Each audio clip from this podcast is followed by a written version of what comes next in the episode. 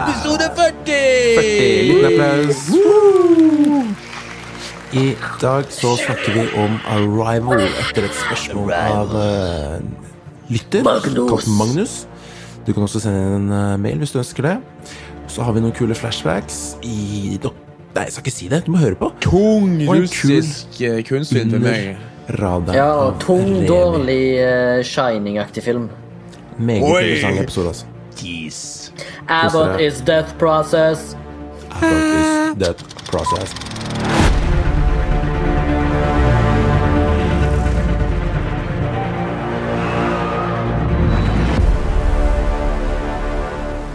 Vi kjører! Vi kjører. kjører, vi. Fem, Nå kjører vi. fire, tre, to, 4, én. 3, 2, 1. Faen, det er sånn svensk eh, Det gjør de bestandig sånn her. Nå kjører vi! Nå kjører Faen, vi. nå kjører vi, grabber! Fy det er mange, det er mange nordmenn som bruker det når de er på vei hjem fra ferie, og så skal de ta bilder av flyet, og så sier de 'Nå kjører vi'. Eller en bil. Ja, ok. Ja, men det okay. høres kult ut på svensk. Nå kjører vi! Det høres ut som OK, eh, let's go to action. Fy faen, grabber. Nå kjører vi.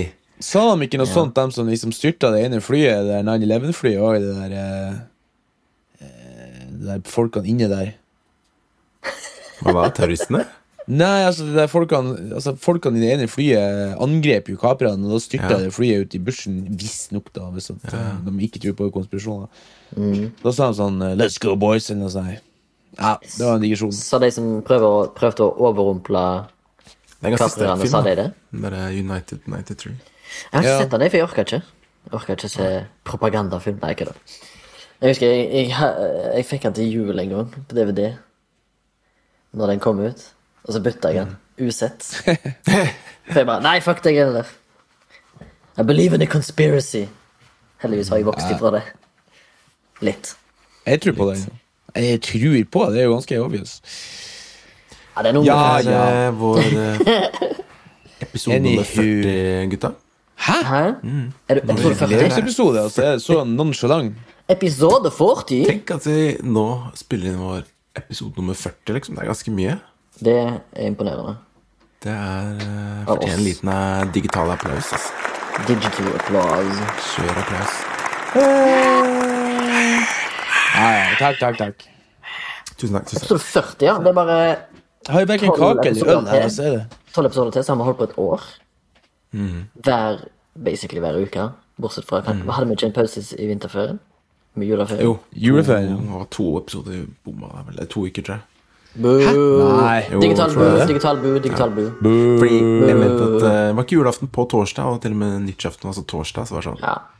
Vi får skjerpe oss neste Kom. år. Da, da skal vi ha Digital. full blown every week. ja. Kanskje. Men I dag blir det faen meg gøy. Vi skal snakke om Arrival. Oh yeah. Og alle er blitt mektig imponert, skjønner jeg. Etter å ha sett den et par ganger. Jeg vil ikke si at jeg ble fikk meg bekrefta det. da Men og da, I den, den anledningen så har jeg lyst til å faktisk uh, gjøre noe dramatisk. Jeg har lyst til å gå tilbake og kanskje bytte min toppfilm på uh, siste bra beste filmer.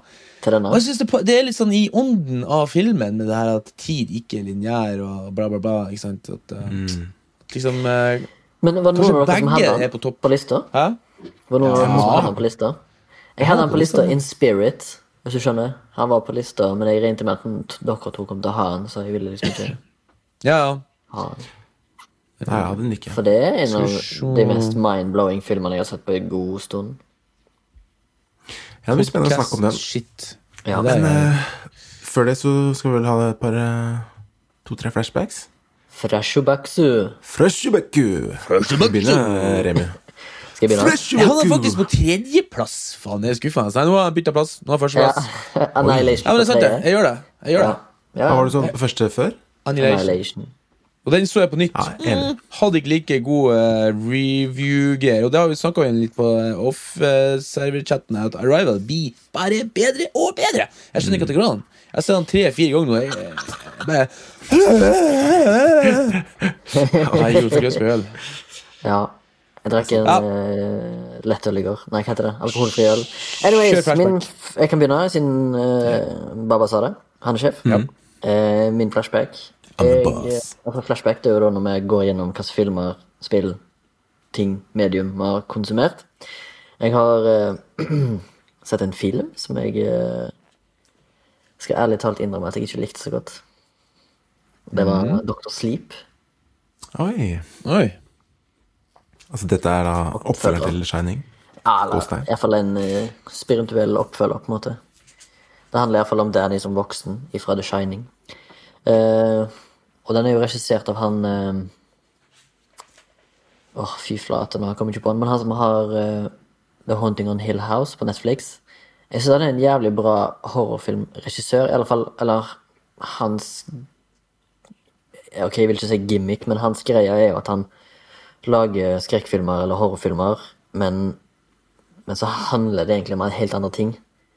Sånn som Ja. The Haunting of Hill House handler jo egentlig bare om en familie og deres Og alle de der spøkelses supernatural elementene er jo egentlig bare problemene deres.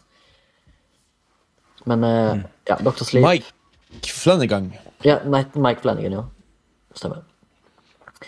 Uh, ah, nei, hva skal jeg si? Jeg synes det er en tre timer lang film. Han var i tre timer. Dæven. Jeg synes rett og slett han var litt kjedelig. Litt sånn uinteressante karakterer. Eh, cinemat cinematografien var helt mm, ganske bra. Og skuespill Det var ikke noe som var upåklagelig skuespill, liksom. Men den catcha meg ikke helt. Det er godt hende at jeg blir lynsja for det, men uh, not my type of movie, egentlig. Men eh, når du ser det, så så jeg sånn her i, i sidesynet en artikkel om at eh, My peripheral vision om at uh, det var noen som har sett den Directors Cut, som visstnok var mye, mye bedre. Ja, Jeg vet ikke faktisk om han var både kortere eller lengre, jeg husker ikke, men det var i hvert fall da, da fikk, du, fikk du mer forståelse av karakterene, tror jeg det sto. Ja, det kan godt hende. Jeg syns jeg så en versjon ute som var to og en halv time. Så kan det hende det er den du snakker om. At den Ja, faktisk komprimerer filmen litt. Fordi, I don't know. Jeg tror lengden på filmen har noe med saken å gjøre. Eh, enkelte Hva skal jeg kalle det? Plot devices er liksom sånn Uff, ok.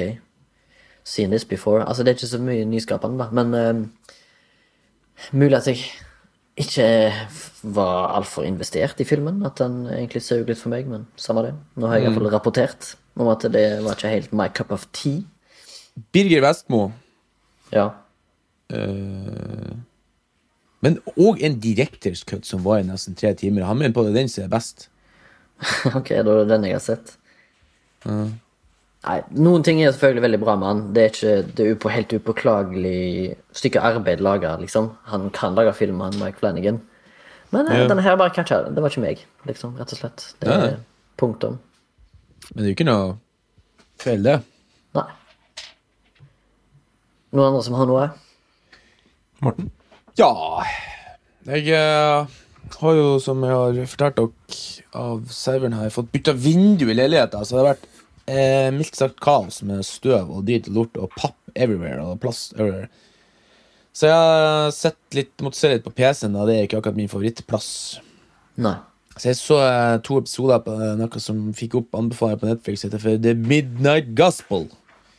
Animasjon? Som er lagd av Dugan Trussell. En standup-komiker. Jeg ser han har vært på Og podcast-fyr, som har vært på Joe Rogan, står det her, og forskjellig. Ja, han er sær. Han er, ja, er super, super sær. Han er sånn oh, Drugs are bad, but I love them. Og sånn der fikk jeg liksom eh, følelse av det. Uh, og det her Midnight Gospel var jo eh, spesielle greier. Det er jo det som er, at de har på en måte animert en podcast. Der han liksom har forskjellige gjester, da, og så liksom så fær de på sånne rare sånn fantasireiser som tydeligvis er både skrevet og tegna på langt inni oppi en LCD-dal.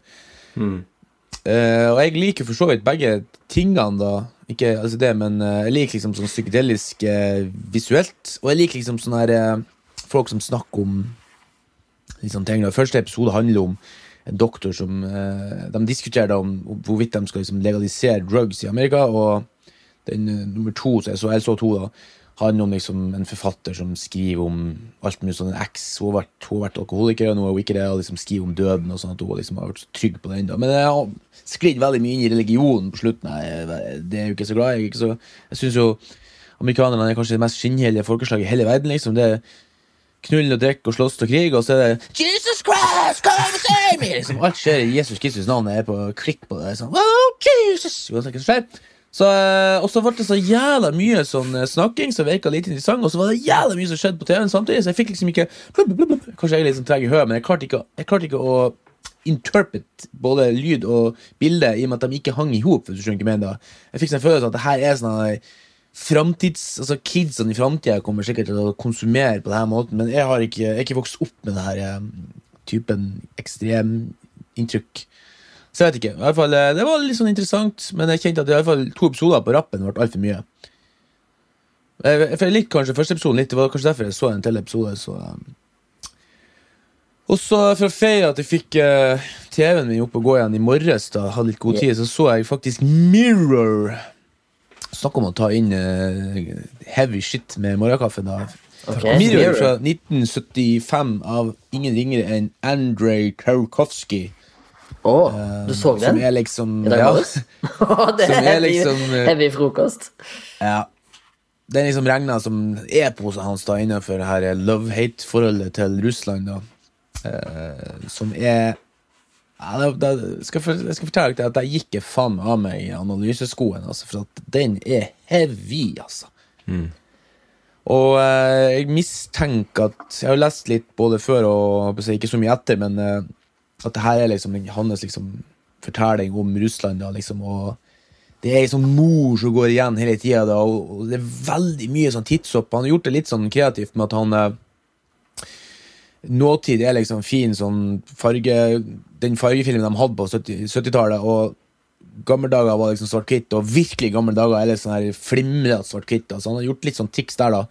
Men det er hun samme mora som går igjen, så det er litt sånn forvirrende. og sånn tidshoppende. Men liksom, hun, man skjønner jo etter hvert at liksom, hun er liksom Mother Russia. da Og at liksom det viser liksom hvordan generasjonene vokser opp, hvordan de har det, og hvordan de forholder seg til historie og bla, bla, bla. ikke sant? Så det og så er det veldig mye sånn dikt og sånn. Han er jo en, egentlig en dikter, ikke sant? poet. Han sier jo det sjøl at han Og sånn som vi har, for oss som er litt nerds som har lest litt om han, så er han jo sånn som liker å fortelle ting sånn som man drømmer. At det, det skal ikke nødvendigvis være så jævla kausalt på lerretet, men liksom, det skal liksom på en måte henge i hop i en slags drømmeverden. da, liksom.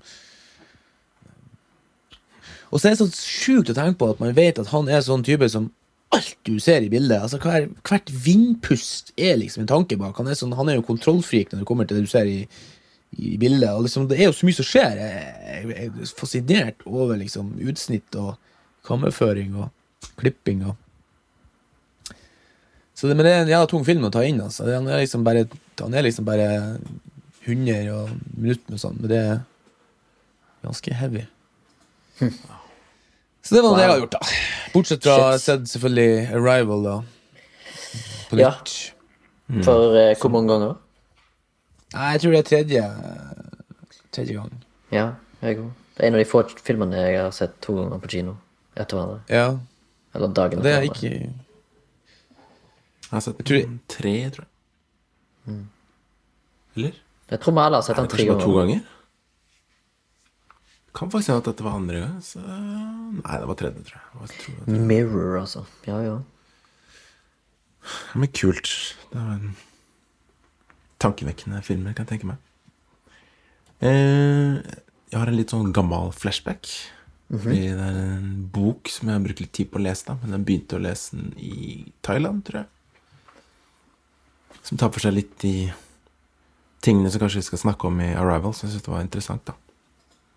Den heter eh, Dying to be me, og er av en kvinne som heter Anita Morjani, som vokste opp i Hongkong, men er av indiske foreldre. da. Så hun vokste opp i en liksom sånn uh, kultur hvor hun helt klarte ikke å finne sin plass. da. Hun, hun hadde liksom det vestlige med Kina, og så hadde hun dette tradisjonelle i familien, da, så hun klarte liksom ikke å velge hva hun, hva hun egentlig skulle følge. da, Finne sin egen vei. Eh, men hoveddelen av den handler om at hun får eh, kreft, noe hun er veldig redd for. Og så dør hun. Og på en måte forteller om sine opplevelser i sånn near death experience, da. På en måte på andre siden. Og så kommer hun Så hun døde ikke?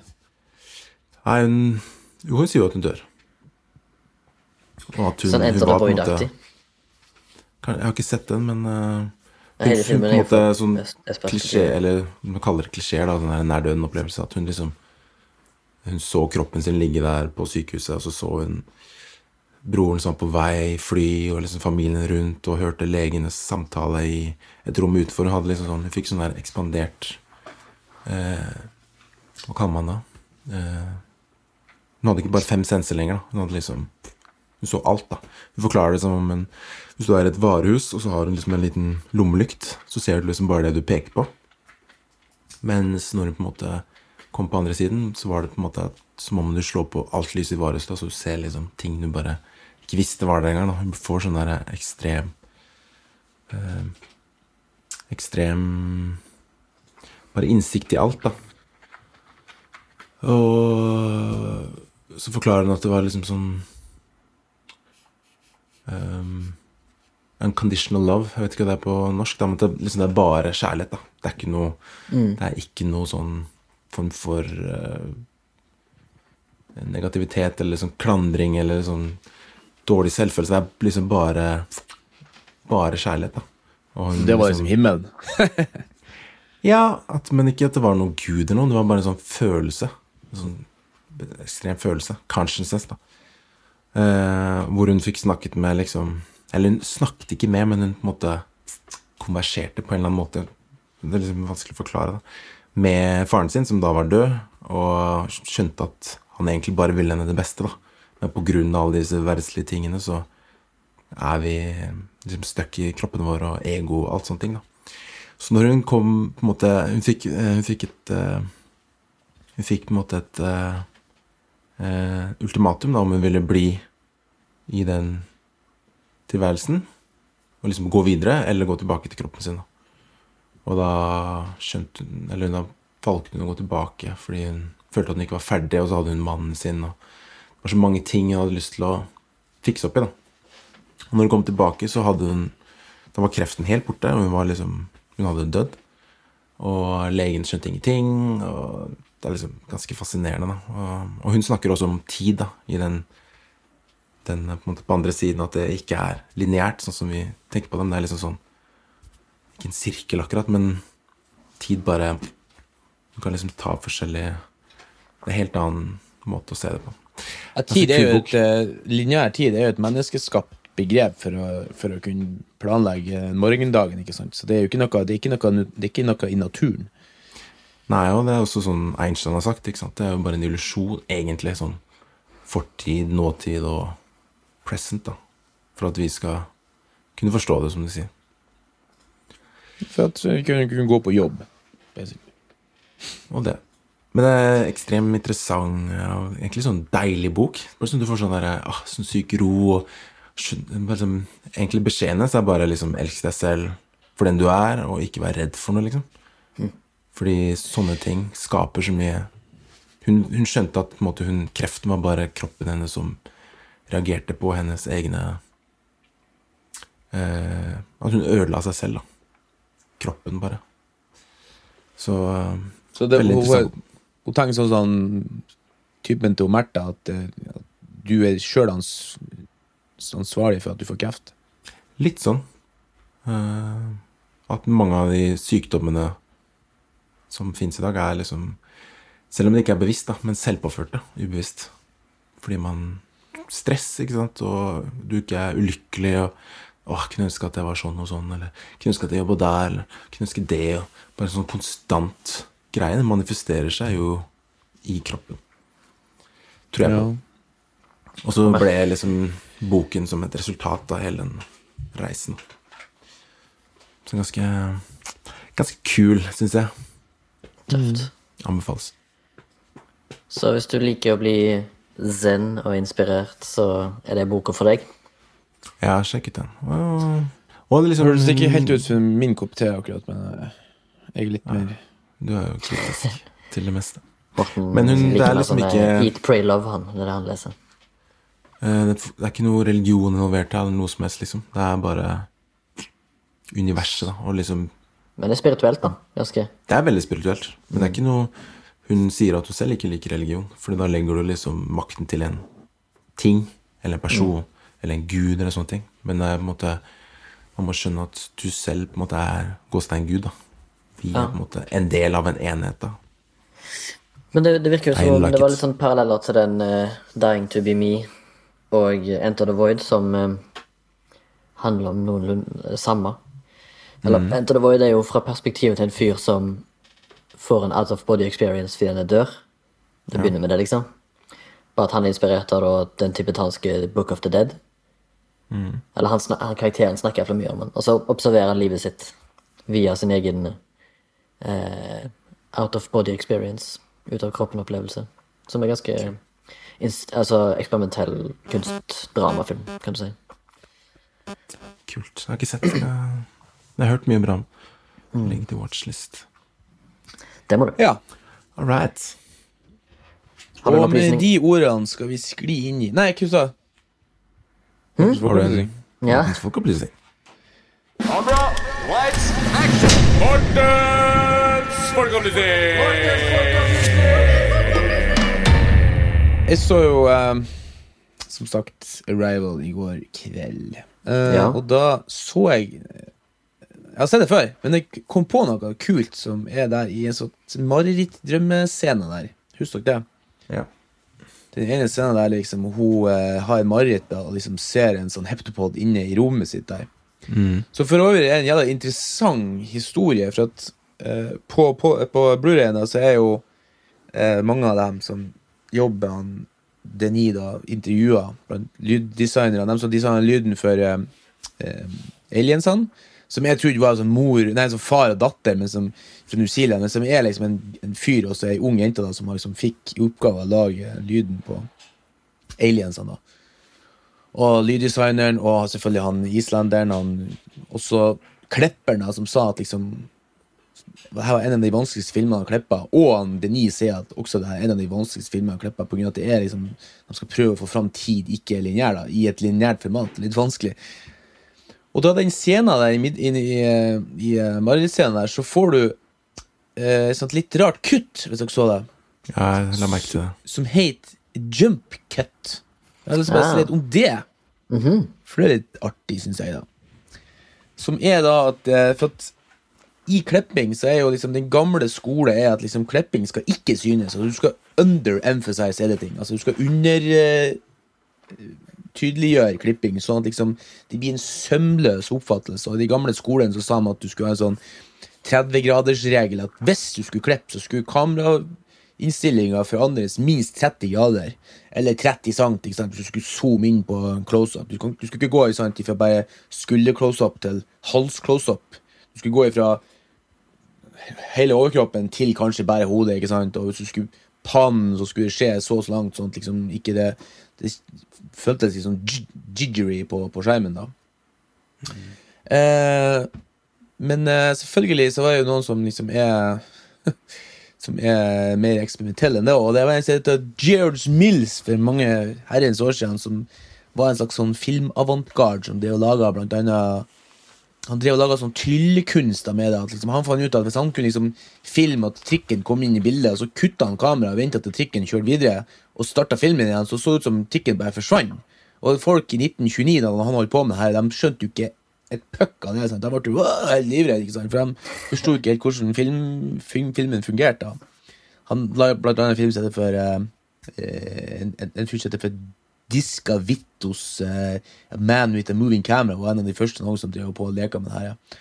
Og så ble det populært igjen eh, på den franske nybølgen på 50-60-tallet, når liksom uh, filmkritikere sjøl begynte å lage film. For jeg mener på at det var så kjedelig, det er fransk film. Det var liksom så kjedelig og tungt og stereotypisk, liksom. Så en som heter for John Lou Godard lager blant annet Breathless. Breathless, som har eh, en del jump cuts der liksom ei dame sitter i en bil, og du, du, har masse en serie med klipp der liksom hun har hodet i forskjellige retninger, sånn, og liksom det ser ut som det er bare sånn hakkete film, liksom, men han fikk da på en måte et uttrykk ut av det her, da. Men tror du det var litt by accident på grunn av altså, liksom, han det var- eh, det var John Luke Ja. han, George Mills, ja, han oppdaga det helt tilfeldig når han drev og, og tok sånne her tryllekunster, ja. Ja, men tenk på Jean-Luc Godard, om han, brukte, om han brukte det som en uh, aktiv uh, altså- med vilje? Eller han føler Ja, han at det var det. sånn happy accident? Ja, dem det og gjorde det, ja. Ja, okay. Ja. For grunn av det at uh, det var en av de tingene de skulle bryte med i den konvensjonelle eh, 30 rules. For det var så mange regler. Sant? Det er jo til og med regler hvordan font du skulle skrive manus i. De var så, de var jo så imot det, da. Ja. At, det skulle, at det skulle være så mye regler i film. Som er litt, som er litt spennende, da. Og nå i det nyere tid, blant annet var det en fransk eh, Nei, en um, tysk eller russisk ikke for noen fyr som drev og gjorde det her på scenen. Uh, når han ikke ville at publikum skulle bli for emosjonelt engasjert i skuespillerne, når han ville fortelle noe politisk, så, han, så gjorde han sånn stunt med at han uh, Han fikk liksom scenografene til å gå inn og bytte scenografien midt mens skuespillerne sto bare i ro, liksom, ikke sant? for å, liksom, å vise publikum at det her er film. Følg med, liksom. Vi skal fortelle noe. Du skal ikke sitte og skrike i hjel her for at folk dør nødvendigvis. da. Eh, så det tror jeg også det er i dag, at i dag bruker man sånne her teknikker for å på en måte poengtere at Følg med! Eller liksom at uh, Eller for å, for, å, for å skremme publikum, liksom. Det kan enten brukes liksom litt det, da. Jeg tror han vil nå bruke det for å liksom gi folk en, en liten wake-up call, men det kan også brukes for å skape en sånn ekkel sånn her eh, stemning, kan du si. For det er akkurat som det er noe feil i øyet når du ser det. ja. Du blir litt Ja, sånn jolted. Ja. Du så den uh, scenen Nei, Blu-ray? Ekstramaterialet der, og med han eh, ed, klipperen, ikke sant? Ja. Med han Joe Walker, heter han. da. Mm. Og det her var en sånn happy accident, da. Ja, Den scenen var faktisk Happy Accident, der de, Ja. eh, ikke, de klippa bort han uh, Whittaker, faktisk. Ja, for det er egentlig tre karakterer i den scenen. Så, Mm. Og så var det for alt hun ser liksom opp til høyre. Ja. Eller venstre, er vel kanskje. Eller hun ser opp til høyre for sin del. da. Men jeg husker også da jeg så den, jeg hadde ikke sett den der eh, ekstra materialet først. Men det er bare sånn, som du sier, da, du merker at det var litt rart. Mm. For det er noe som er unaturlig, at de klipper fra en vinkel til en annen som er helt sånn make, Men ikke Det er langt ikke det du forventer, liksom. da. Han klippa Nei. lenger enn 30 grader, så du ikke merka at det var et klipp der. Liksom, for det øyet er vant med. Og det fremprovoserer jo den der eh, mareritteffekten at noe er liksom det, Noe er ikke riktig her. Mm. Så det er litt kult at de Ja, det var interessant, for at det. de, de fjerna jo hele den scenen, for det tok for lang tid. Ja, og så så gikk de sånn- tilbake og så så de at faen, det er jo en viktig bit her. Vi må, for det var det der eh, at hvis at du lærer deg et språk Ja, godt nok, Sapir-Wurf.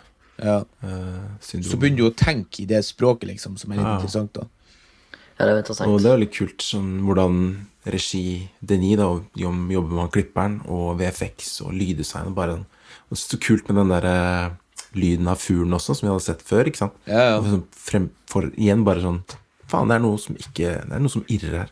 Mm. Faen, det er gøy, ass. Eh, faen Skal vi jump altså. right into it, eller? Ja, jeg syns det. Fett. Jump cut right to it. Ju- Åh, Oi, oi, oi. Jævlig bra.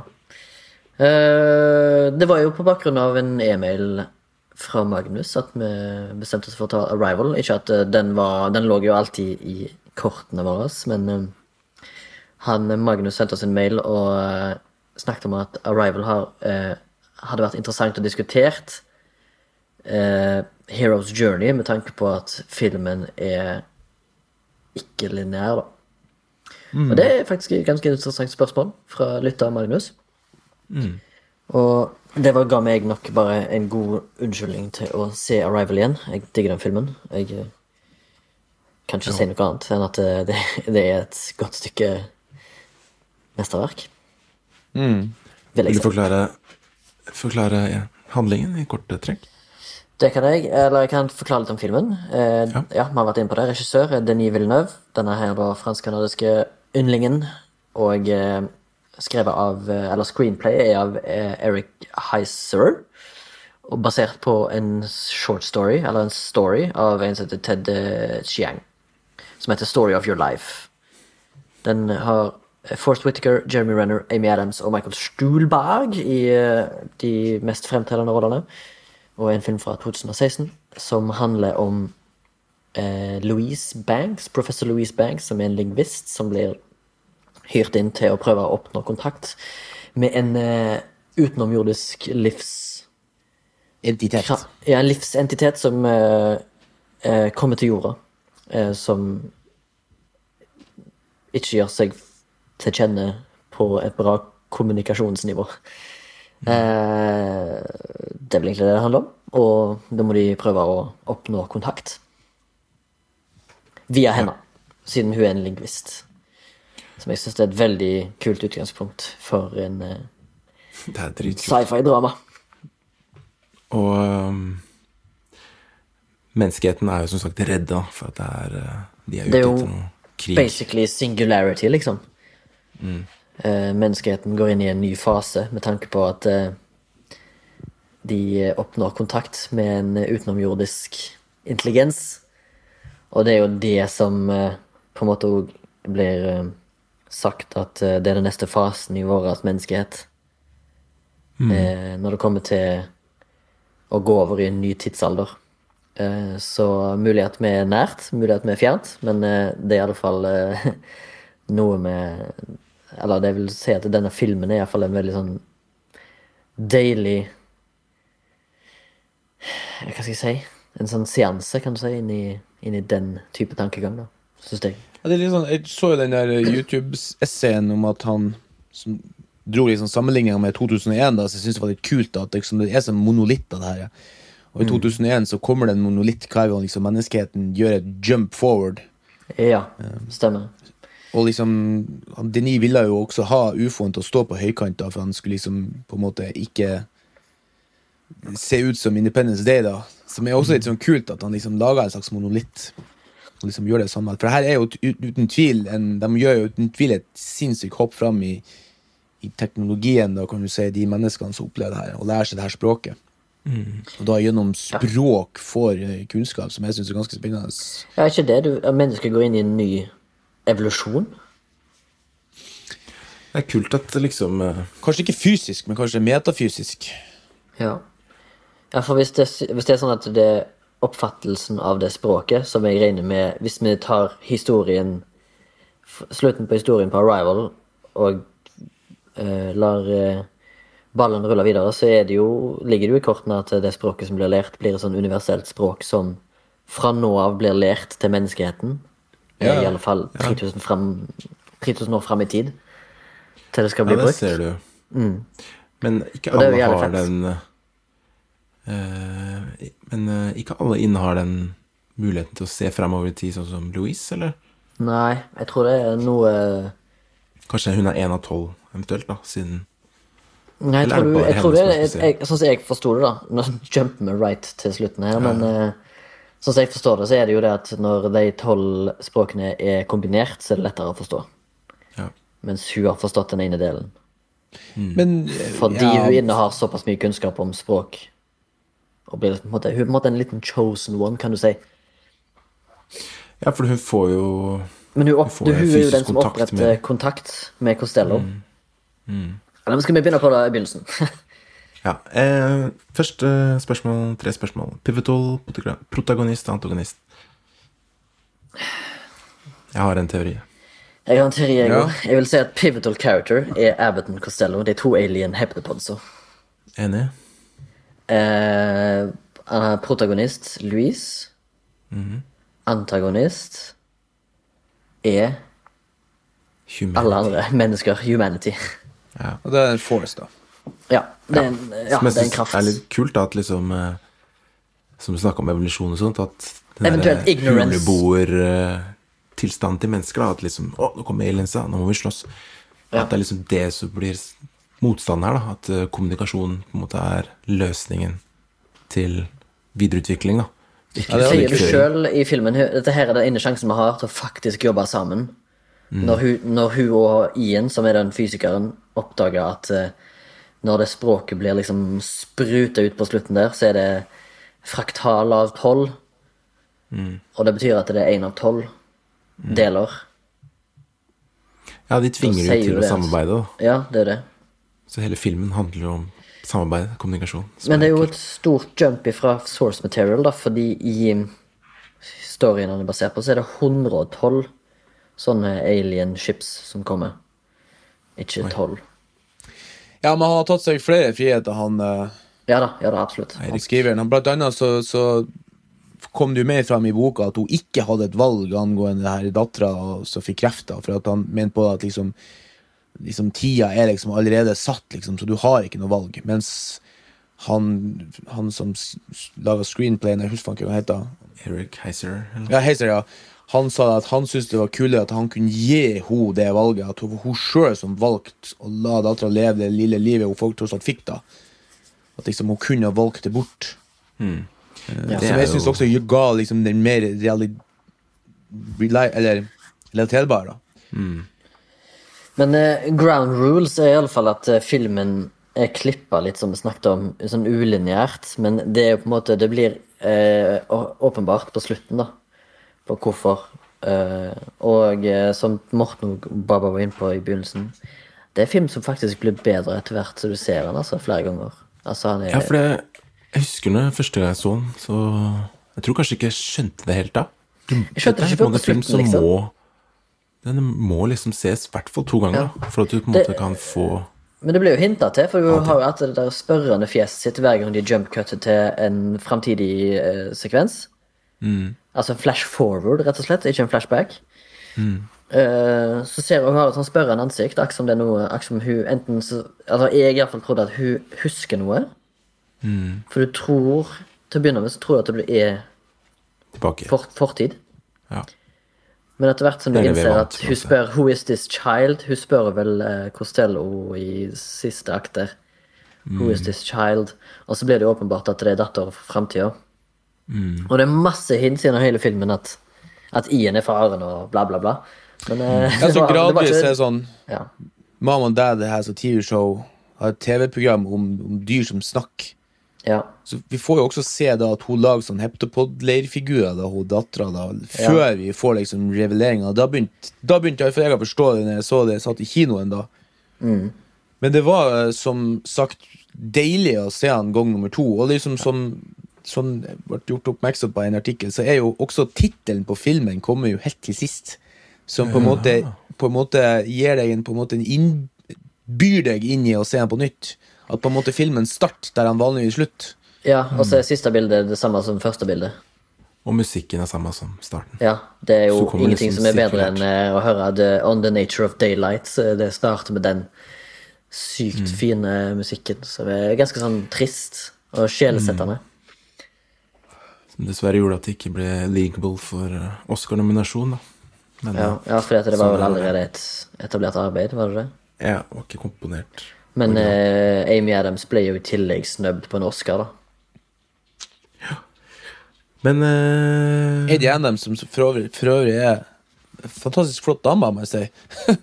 På en sånn intellektuell måte. ja, hun spiller fantastisk. her. Sånn Eller der, eh, bra casta selvfølgelig. Men hun Hun har den derre mumblecore-en som jeg føler Denis Villeneuve er veldig kjent for. At hun- han har veldig ofte hviskende karakterer som snakker veldig lavmælt og rolig.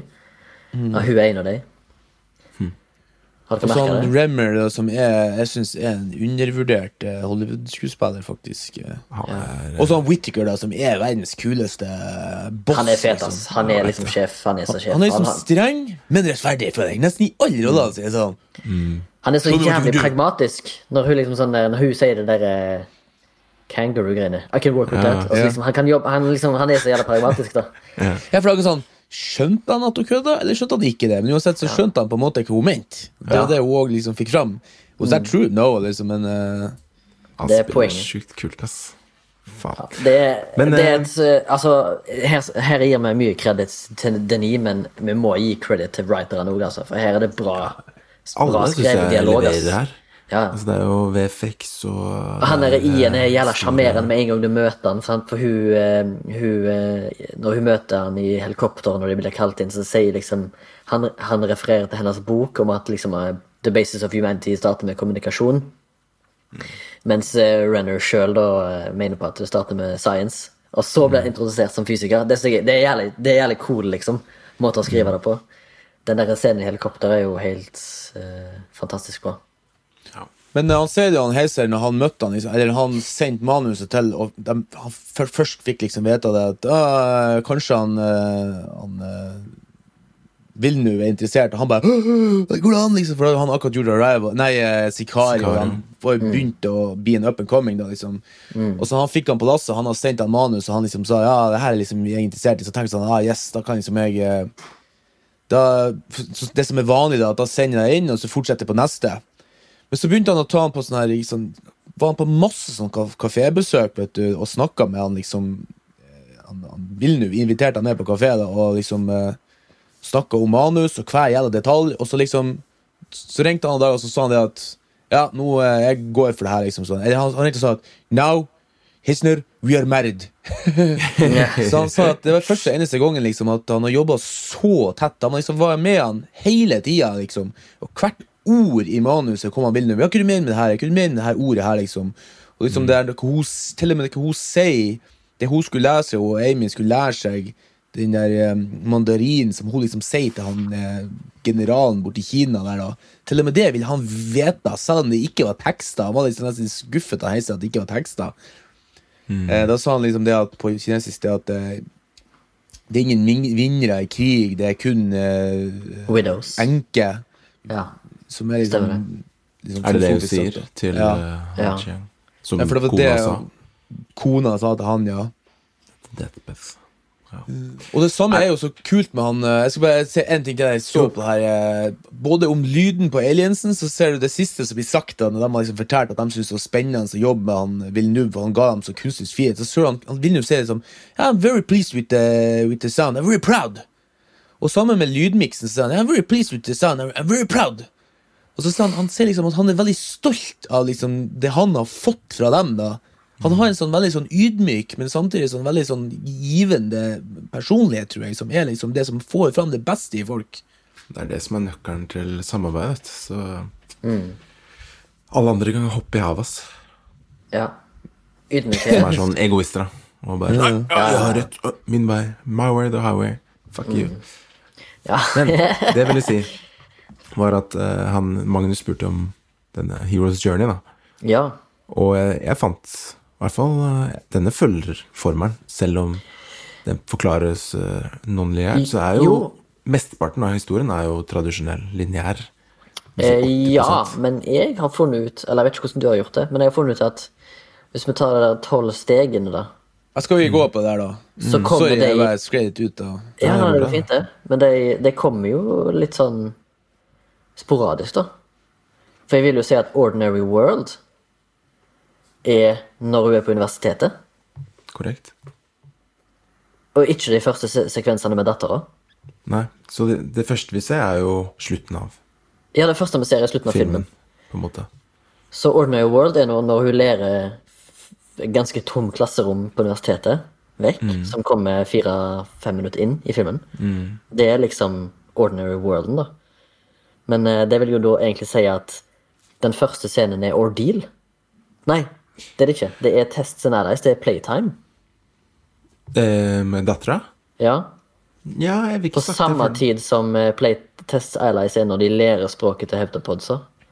Siden... jeg vil ikke si at uh, første scenen med dattera er test allies Eisenius, for det er jo liksom Det er jo etter Det det er jo på en måte flash forwards, da, som er fremtiden.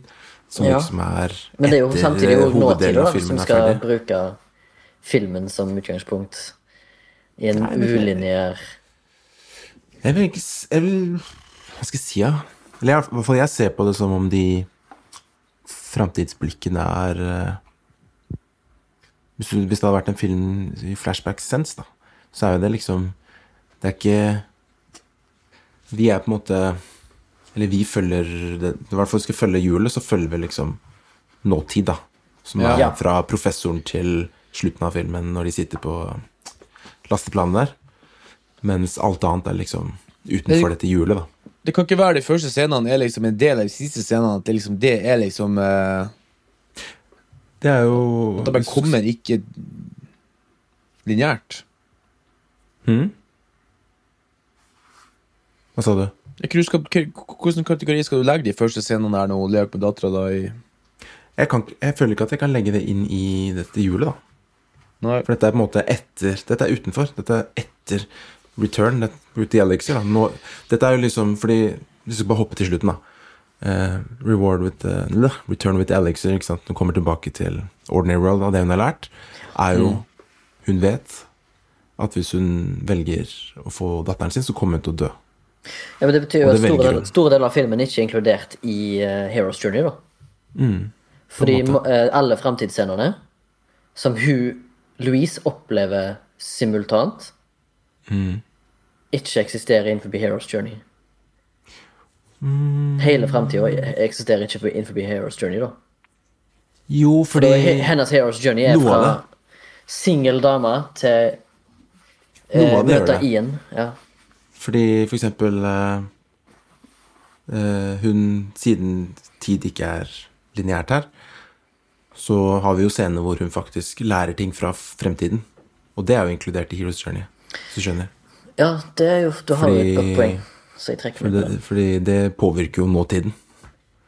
Ja, men sånn som den telefonsamtalen med General Chang. Yes, og samtalen med Hannah Ja, Non-zero sum game. Alt dette er jo med. Mm. Men akkurat den første de scenene hvor hun ikke er bevisst på den kraften sin da, ennå, Ja, det føler jeg at er, er Det er liksom litt utenfor, kanskje. ja. Det er litt interessant. Det er veldig interessant. Så bortsett fra det, så, er, så klarte jeg liksom å Ikke sånn superbra, men uh, den uh, Ordinary World fra femte minutt, hvor vi ser liksom professoren, så kommer callen ganske fort med obersten. Er elleve minutter inn. Ja, han Webber kommer inn, og så sier han eh, Det synes jeg er en jævlig bra skrevet scene, forresten. Han kommer inn, og så prøver Altså, hun vil jo ta kallet, men hun blir på en måte denia kallet. Det kommer en det? refusal rett der. Jo. Ja, for hun refuser det ikke. Det er jo Weber som refuser det på han, hennes vegne. Han var litt sånn spesiell. eh, Jeg husker jeg satt der og bare sånn Jeg skjønte nesten ikke helt. For han sa liksom I know what you're trying to do. Ja, kanskje jeg prøver Jeg skal ikke ta en turist med ditt og bla, bla, bla. Som om hun liksom var noe sånn mind games som jeg ikke forsto helt. ja. Men det er interessant det han sier, fordi at Eller hun sier Finn ut hva sanskrit for uh, Ja. war. Og så den uh, jeg, jeg, jeg vet ikke helt om jeg skjønner den greia. Da har han da Fordi at han sier eh, du skal vel til Danvers nå for å sjekke om han kan ta oppdraget, sier hun til han. Og så sier han ja, maybe. Og så kommer, kom han tilbake midt på natta og så sier han at eh, Han sier et, et ord som er sanskrit for eh, Hva er det han sier nå igjen? Hva det betydde. For war, mens hun sier at det er uh, en krangel om kameler eller et eller annet. Jeg husker ikke hva det var. Og så, da, men, da, da betyr det jo at han har sjekka ut på forhånd hva det ordet er, og så har han funnet ut hva han Danvers, han andre professoren, som tydeligvis er en rival til Banks, Louise, og så har han funnet ut det sjøl, og hvis han sier det, så er det feil, fordi at det rette er det hun sa. Så derfor blir hun med. Fordi war på sanskrit betyr hvis det hun sa. Er du med? Og det, ja, og det kan jeg liksom Det er kult. tenke Så da har meg at en krangel fort kan bety krig, da, hvis du skjønner. Ja. Eller det, det, det er ikke langt ifra, da. Ja, Det var bare noe jeg tenkte. ja men det er jo det, er jo Ja, det er som hele dumt nerva- at, eh, at Det er hele nerva i filmen. Misforstår krig for kamel, Ja. så kan jo det ha stor betydning i en, for eksempel en fredsmekling. Hvis at Ja, eh, fiendene ber om kamel, og så sier du 'krig'! ja. Så tror du at de ber om krig, så kommer de med ja. våpen istedenfor kamel. Det er det, derfor de, er det er jo det de eh, Det er jo det, det er basically det som gjør at eh, det rakner i det alien-greiene òg, er jo at de vet ikke om eh, Et våpen kan jo fortsatt være et redskap, om et redskap er et våpen, sant? Mm. Det kan jo bli misforstått på tvers av alle de 5000 språkene vi har her i verden. Ja, og sammenheng med Ja. Ja, og så liksom det der eh, mahjong-sammenligningen òg, at eh, kineserne kommuniserer med aliensene med, Med et mahjong. spill, ja. Mm. Og i et spill er det jo om å gjøre å vinne. Vinnere og tapere. Ja. Ikke sant? Nei, så refusal har jeg bare skrevet at For hun sier jo I'd have to meet them. For å liksom Hun klarer jo ikke å oversette det der eh, ja, ja, det er jo helt umulig å bare høre lyd, og så Hva sier de? Og da sier han at nei, det går ikke. Og så kommer dette med sanskrit for war. Men det er jo det basically. Det er jo ikke hun som, som det, er litt spesielt. Det er ikke, det er ikke hun som refuser caller, det er han som nekter henne. Mm. Til hun har liksom proven herself. Så jeg føler liksom at han er en mentor. Eller? Eh, Føler du kanskje. er det? Eller, eller er det pivotal? Jeg har skrevet Ian, ja. Men uh, Som mentor. Men det er ikke sikkert det er riktig. Nei, For jeg har skrevet han på Jeg har skrevet Abbott and Costello på Pivotal, men jeg har også skrevet han. Ja, for de er Pivotals. Det er jo aliens som, som driver historien her. Hvis ikke de hadde kommet, så hadde det ikke vært noe Nei, ikke måte. De har også bare én agenda, det er jo å lære bort det her språket. For om 3000 år så må de, trenger de hjelp fra, Ja. oss, liksom. Så mentor er jo noe som hjelper protagonisten. Um, og i den forstand så Og det skal Ja, være bare én. føler jeg at Ian kanskje er ish. Fordi han obersten Han hjelper ikke Han kommer jo ofte med krav, og liksom Han føles Han- mer som en sånn sidekarakter. han svarer jo til en øvre makt. Ja. Det er ikke noe veldig sånn tydelig Obi-Wan Kenobi-mentor her, akkurat. Nei, nei, det er ikke tydelig i det hele tatt. Nei. Så ja, kanskje det kan være Jeg, ja, jeg syns Ian føles som den er mer naturlig, for de jobber jo ganske tett sammen. Spesielt når vi kommer med Test Allies Enemies og sånt. Eh, så går du inn i Special World når de flyr til eh, siten. Det, er jo sju minutter inn, så det er ganske sånn Tidsmessig så føles det ganske riktig, da. Det tar ikke liksom for lang tid eller for Ja, kort tid. for filmen er 1 time og 56 minutter, cirka. Mm. Så etter 20 minutter så er vi ferdig med akt 1, nesten. Ja. Det virker jo Eh, og så er det jo en lang test av Allies Enemies som er veldig interessant, da. Hvor vi blir kjent med aliensa.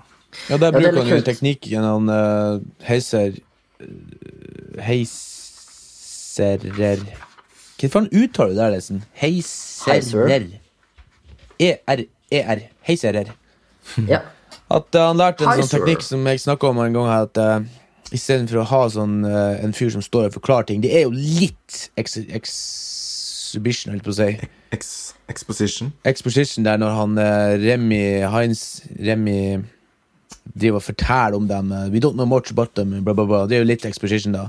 Men uh, mye av exposition har de skjult i, uh, i såkalt uh, dialog, da. Der liksom to intellektuelle folk stiller spørsmål til hverandre. ja. Eh, og da liksom får vi liksom forståelse av hva som skjer gjennom en, en, en, en snakk, liksom. Ja, så sa du jo at mye av den informasjonen treng, måtte de jo få fram. Men eh, på en effektiv måte så var liksom dette det mest effektive, da. For at det ikke skulle bli for langt heller. Og jeg husker på det tidspunktet så har du jo ganske mange spørsmål Du får, du får vite jævlig mye da, på veldig kort tid. Som ikke føles kjedelig eller noe sånt. Det bare er interessant, da. Hvordan de har klippet og skrevet og fortalt det. Så jeg likte Jeg syns det funker. Ja, ja. Absolutt.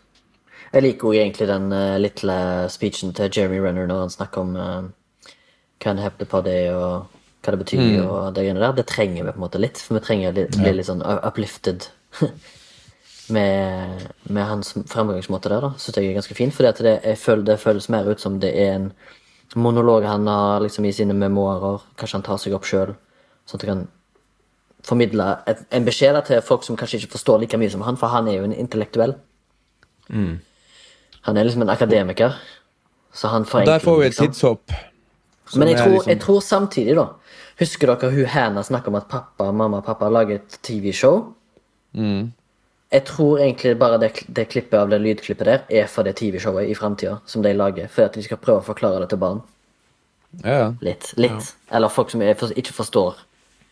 Mm. Eller på, på en måte etter at aliens har kommet, så er jo de f- f- Folk flest er jo som barn. De må jo de, de er liksom altfor stort til å forstå. Det var jo et Make Believe-TV-program da fra, sk- på skoleprosjektet da, Så det er ikke sikkert det har vært et TV-program, da, men uh... oh, ja, jeg, jeg følte det var sånn en liten nod til at kanskje de hadde et fremtidig TV-program der de prøvde å lære nasjonen om the aliens. Ja, men det som var sjakk, var det at the teacher gave us an assignment where you should draw a Make Believe Eller en sånn fantasi-TV-program, da. Men jeg tror nok det at eh, det som du sier, at den der at for at hun står jo og underviser på et tidspunkt folk om språket. Ja. for å lære det videre. Og det er jo det jeg også tror er liksom frampekt, det at folk snakker om at det var kun hun som har den poweren. da, Det tror ikke jeg på. Jeg tror det at det er litt som han sier han uh, Alan Moore òg, han, der- han som tegner tegneseriene, er Watchmen og sånn. Han sier at mange ganger så Oppgaven til kunst og kultur er liksom hos politikere og filosofer sånn, det er å sette en idé i hodet ditt. På grunn av at Før du har hørt den ideen, så er du ikke klar over at den eksisterer. hvis du skjønner jeg mener. Det er, liksom, det sånn det at Den dagen du lærer deg et språk 100 så begynner du å tenke på det språket. Så hvis du da tenker at språket i seg sjøl er et verktøy, det er jævla fascinerende eh, sånn science fiction-tanke, egentlig. Det er Ja. For eksempel sånn naturvern. ikke sant? Mange jeg kjenner har ikke vært opptatt av å ta vare på naturen før liksom andre folk begynte å forklare dem om det. liksom, Og nå er plutselig folk For at du skal gå fra å være ikke det til å bli det, da må du ha gjort en eller annen sånn tankereise. Så det er på en måte et verktøy til og med vårt språk. At vi forklarer hverandre ting og tang, og så får du andre ideer, og så begynner du faktisk å gjøre noe Så fysisk. det er ikke hun som har gåstein superkraft, da, men det er Nei. fordi hun, hun kan språket såpass Ja. at hun Så da forstår får du en ny innsikt, kan du si. Så da kan egentlig alle, så lenge de lærer seg språket, så får de den, si, den kraften av en gåstein. Ja, det er det Ja, de for sier, det er- at lær det her til alle, sier de jo. Ja, ja. Ja, for det er jo en kraft, fordi hun opplever jo tid annerledes via det språket. ja, ja. Jo, men på sett og det er spissen så er jo språket en kraft òg. Ja. ja, det er kanskje språket i seg sjøl, men uh, da må jo det være metafysisk, da, som du sa. Ja, ja. For jeg tror Ja, for det det at er neste, bare- neste utvikling vi mennesker kommer til å gjøre, er ikke fysisk nødvendigvis, for vi er ganske perfekte i, i indeksgrepet vårt. Kanskje vi får litt mindre kreft og sånn i framtida, men jeg tenker at den neste evolusjonen er jo det at vi klarer å leve i lag som et samfunn, for det klarer vi ikke nå. Hvis du, en sånn by det er jo kriging og slåssing hele tida, bare over landegrensa. Det er ganske banalt hvis du tenker på universet uendeløst, og så holder vi på å drepe hverandre på en sånn stein helt ute i utekanten. Ja, det er en ganske fascinerende tanke at uh, språket på en måte er løsningen i, i hjernen. da. Altså, mind, han sier jo den derre Han uh, kinesiske generalen bare I don't know how your mind works, but I think I need to show you this. At liksom Ja. Men det, det er jo eh, Han Ted Chiang som hadde skrevet boka, han hadde jo basert hele historien på et utsagn fra Albert Einstein, som eh, Morten var inne på i begynnelsen òg, litt sånn Albert Einstein-aktig, at han, han har skrevet, eller sitatet er eh, fra uh, Einstein er The distinction between the past, present and future is only a stubbornly persistent illusion. Altså, vi er så sta på å ha en illusjon om at uh, det er sånn det funker, liksom. Fortid, nåtid, framtid. Og det syns jeg er et jævlig kult konsept, at Abbott og Costello sin sitt verdensbilde er basert på at alle de er inter, intermingled, da. Altså fortid, eh, fortid, nåtid, framtid er liksom en og samme ting. Det skjer samtidig. Det er liksom, For meg så klarer ikke jeg å comprehend hvordan det skal funke, med tanke på hvordan jeg har mitt levesett som menneske nå i dag. Og nå er jo ikke jeg noe særlig smart eller intellektuell, men eh, for meg så blir det sånn Så litt med at eh, det Morten sier, jo, at det neste steget i evolusjonen blir å forstå det konseptet, da. På at det er sånn second nature for meg. Som er litt Som jeg, som jeg syns er, er basically det filmen er for meg, da. Ja. Prøv å forstå, prøv å forstå det uforståelige. Hvis dere kommer eh, så langt opp å si å lese den boka, så er det interessant hvordan på en måte På grunn av de fem sansene og kroppen vår, da, så har vi ikke mulighet til å på en måte forstå alt. Nei. Så det er liksom interessant å i hvert fall lese om de tingene hun opplevde på, på si, den andre physical plane.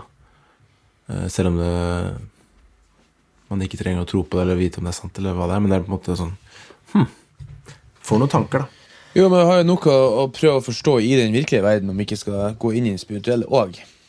Jo, jo, men jeg tror jo Jeg, jeg tror Louise sin karakter i, i Arrival Hun opplever jo noe helt unormalt med seg sjøl, fordi det skal Publikum tror jo at det hun opplever, er fra fortida. Mens hun sjøl går jo gjennom på en måte en liten krise, da, for hun skjønner ikke hva som skjer med seg sjøl. Jo, jo. Og, og, og, og hun tar det ikke opp med noen før på slutten. Nei. Så som for eksempel det der med at hun ser den heptapoden inne i rommet sitt når hun ligger og sover.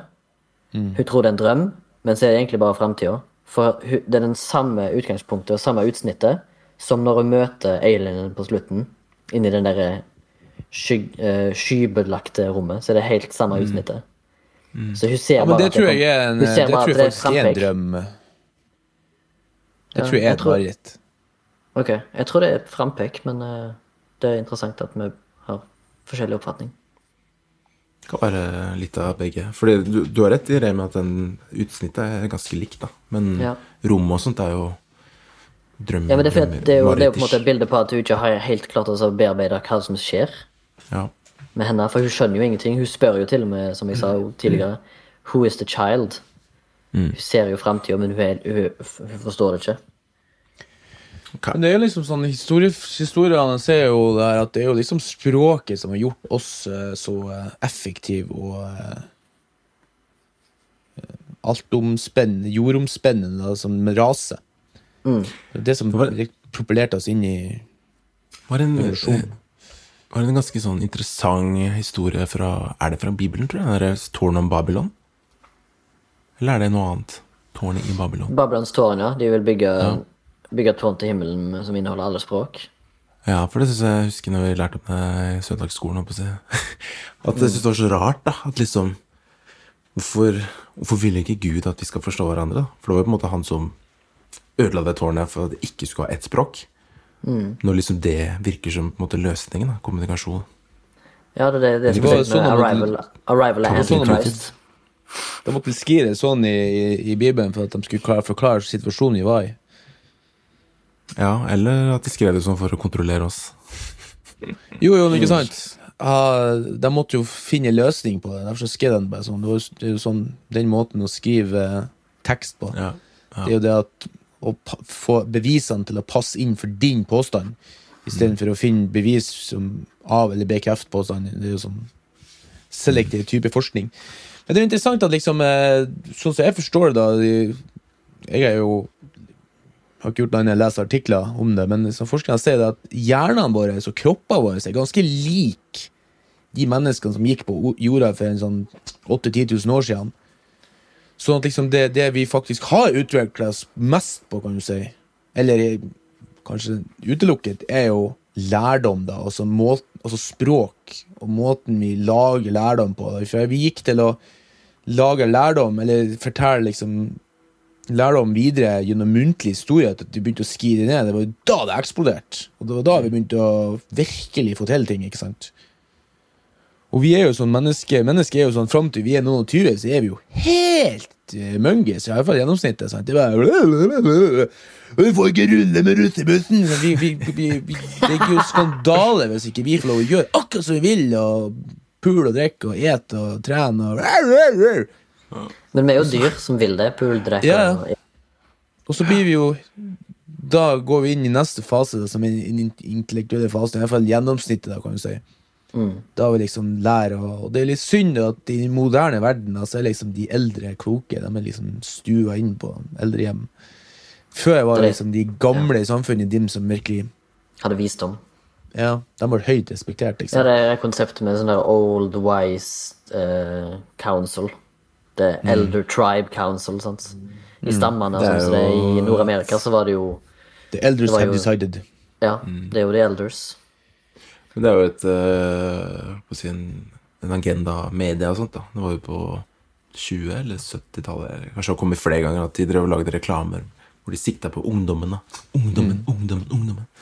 Bare Piss. Ja, men det er jo sånn i Norge òg, liksom, at uh, vi må liksom hjelpe de unge Vi må hjelpe de unge med å komme fram og få plass og bla, bla, bla. Liksom, og liksom, de unge får liksom forklart at de er perfekte. Og ikke, du skal ikke la noen komme og si noe. Ikke sant? Så liksom, respekten har jo da den, med det dalt. da Og likeens respekt for liksom, lærere og, og folk i sånne posisjoner har jo også falt. Du ser dem I gamle, gamle dager så tjente de mest. Liksom, I antikkens Roma, så hvis du var lærer, så var du Wow, da var det big deal. Ja. I dag, hvis du er halvnaken på scenen og sier samme ordet 25 ganger på rad, så har du liksom, da er du sjefen. Og da skal ikke vi begynne å spørre deg. Begynne å spørre jo Rihanna hva hun mener. What are we gonna do in the world? I, I, I don't know. Fordi du ikke Fordi du er gammel og ikke vet hva TikTok er, så er du liksom ikke relevant lenger også. Nei, ikke sant? TikTok er menneskelig downfall. Altså. Det er her det går nedover. Det er nå det begynner å gå nedover. Nei, Jeg Jeg har- jeg har sagt det her. lenge. I episode eh, 40? Ja, det har det. Men uh, vi er jo bare kommet til, eh, så vidt innom eh, Special World. Ja, jeg skal dra oss videre, hvis det er greit. Mm. Eh, mye skjer jo i Test Alice Enemies, og de drar De møter aliens for første gang, og Ja. vi skjønner Og det at de er er kan dra dit hver 18. gåsehud-inducing, time. ass. Det er så gåsehud-inducing. ja, lydeffekten og De kommer i tunnelen, der, ja. Ja. Og de lydene når den Er det kommer spennende film også?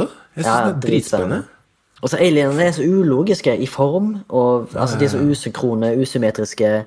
Sju bein, liksom. Who the fuck? Altså, Vi mennesker har jo liksom sånn, vi er så veldig parbesatt og symmetrisk besatt. Du ser det på alt vi har. Fra kjøretøyer til menneskelige kropper og alt. Alt er liksom symmetrisk, nesten. Det skal jeg finne. Og så er det så er at liksom eh, alien er så liksom kaleidoskopisk, det språket, og liksom det er interessant da, å se hvordan alt eh, Hvordan usymmetri er pent da, på den måten, og at det maker så mye sens Og så er det for Det som gjør det spennende, er at liksom, du, det er så mange ting du lurer på. Ikke sant? Mm. Med symmetri og Hva er det for noe, liksom? De er helt supernice, de aliensa, aliens, altså. Jeg liker designet på de så jævlig godt. Og så er det litt kult når vi får se at de er så mye større enn de er, for da får jeg liksom følelse at vi er veldig opptatt av å se Alt vi tolker, er jo noe skjermer, ikke sant? Og du ser liksom det at eh, veldig mye Alt skjer gjennom skjerm. Vi sitter, de sitter og ser hverandre på skjermer, liksom de ser nyhetene på skjermer, og så er liksom hele den enden, den veggen i romskipet, er en skjerm som mennesket tar inn. Og da går de ut ifra at ok, da er det liksom så stor, da, for det er det vi ser. Og så kommer du inn, og så wow, er han jo faen meg fem etasjer høyere. ikke sant?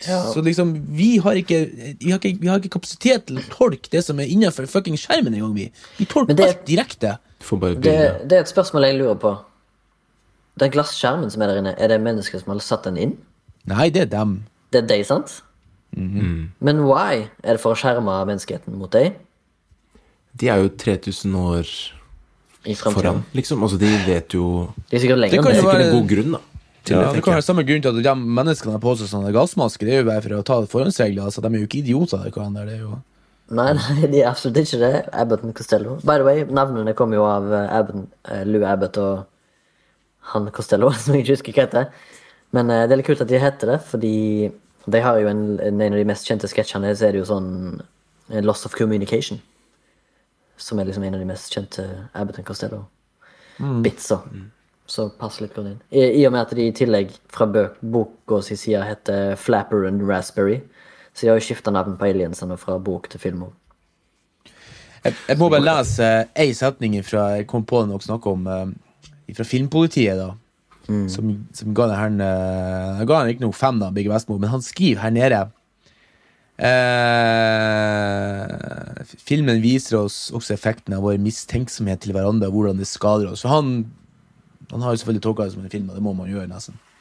Men så skriver han her På en mindre skala virker det også Nei, det var de ned, ja. Ja, eh, hvordan eh, eh, kjærlighet påvirker våre valg, tanker, handlingsmønster, fortalt gjennom Amy Adams sitt nydelige skuespill, som går innover, går innover istedenfor utover. Og så står det her Det er også ting i historien jeg med vilje ikke nevner, slik at du får oppleve det selv. Noen av elementene krysser riktignok grensen til det absurde og bryter med logikken i filmens univers. Etablerte univers. Men, det, men, men dette endrer ikke det faktum at det er imponerende science fiction, og det er betryggende at Dennis eh, skal lage Blade Runner, står det. Men eh, jeg må bare spørre dere kjapt. Syns dere på noen måte at filmen bryter med sine egne etablerte regler, sånn som vi har snakket om masse i kassen her? Nei. Det er jo hele vitsen med de rare jumpcutsene og fr frampekene og bakpekene, er jo for å fortelle oss det at, at tid ikke er lineær. Jeg syns jo det er mesterlig, altså. Jeg har sikkert bare sett den én gang. Hvis det er Ja, noe som jeg syns, hvis det er noe jeg syns er flawed med filmen, eller kanskje min egen ego egoistiske greier, er mer interaction med aliens. Jeg vil ha to minutter mer. Du vil se mer, ja. Jeg vil se mer av måten de kommuniserer på. Det får du ikke. Du må se det en gang til. Nei, for jeg blir så, men uansett altså, blir det så jævlig powerful når, eh, i, slutt, i, i slutten når, eh, når Louise møter Costello, og så spør hun hvor Abbott er, og så sier eh, Costello Abbott is death process. Altså hun har lært språket deres, og, og, de har lært hennes. på en måte, De har skjønt å forstå hverandre. Men bare den setningen der, Abbott is death process, er så fucking beautiful, liksom. At jeg bare sitter der og får gåsehud. Ja, når vi er inne på det da, Hvis jeg skal si én ting som jeg eh, når jeg så nummer tre nå, som jeg kanskje merker også på de to Jeg syns eh, Jeg synes, jeg synes, personlig syns det er nok aliens, for jeg syns at det er litt sånn Det er liksom Less is more. Less is more, ja. Det er derfor at når du vil se mer av noe, da betyr det at det er akkurat nok. For da får du liksom ikke overkonsumert det. Men på slutten så syns jeg de bruker litt for lang tid på å liksom prøve å klare opp i det her eh, tidshoppene da, med henne.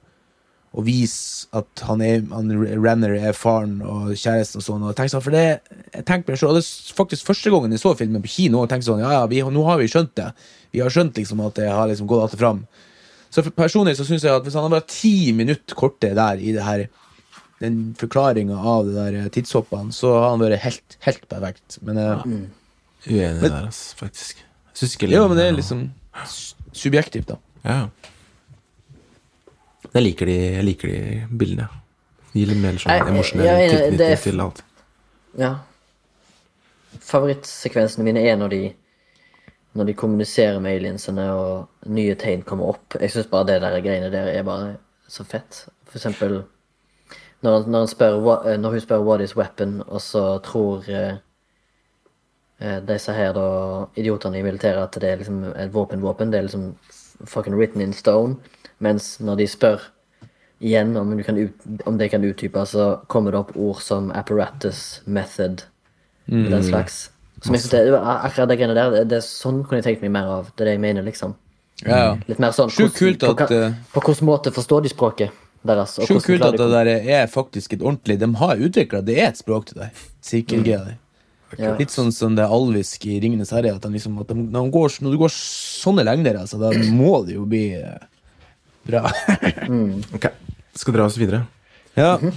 Um, sånn kommer vi til Approach, etter vi har um, approached Dean Moss Cave, hvor vi har sett en del Fått en del lærdom da, blant aliens. da, Det Forstår litt og litt mer, men da sier han oberst uh, Whittaker We need to ask the big question, da, ikke sant, som er What is your purpose here? De vil jo vite hvorfor de er her.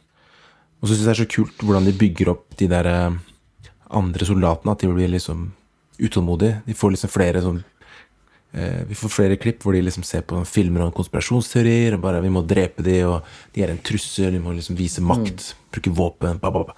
Litt sånn der amerikansk propaganda, patriotisme. Og kinesisk propaganda. Og kinesisk. Og russisk. Men menneskelig. Menneskelig. Mennesker. Ja, frykten for det ukjente, så jeg syns kanskje det er den antagonistiske kraften i det her. Ja. Eh, og det bygger jo opp til den eksplosjonen hvor eh, Ayn og Louise er der inne alene for å prøve å forstå hva de mente med offer weapon. Da. Ja. Og, og Da når de får det der apparatus method Ja, og i så siste sekund, nesten. kommer det masse sånn De spruter ut hele den her eh, fraction av tolv.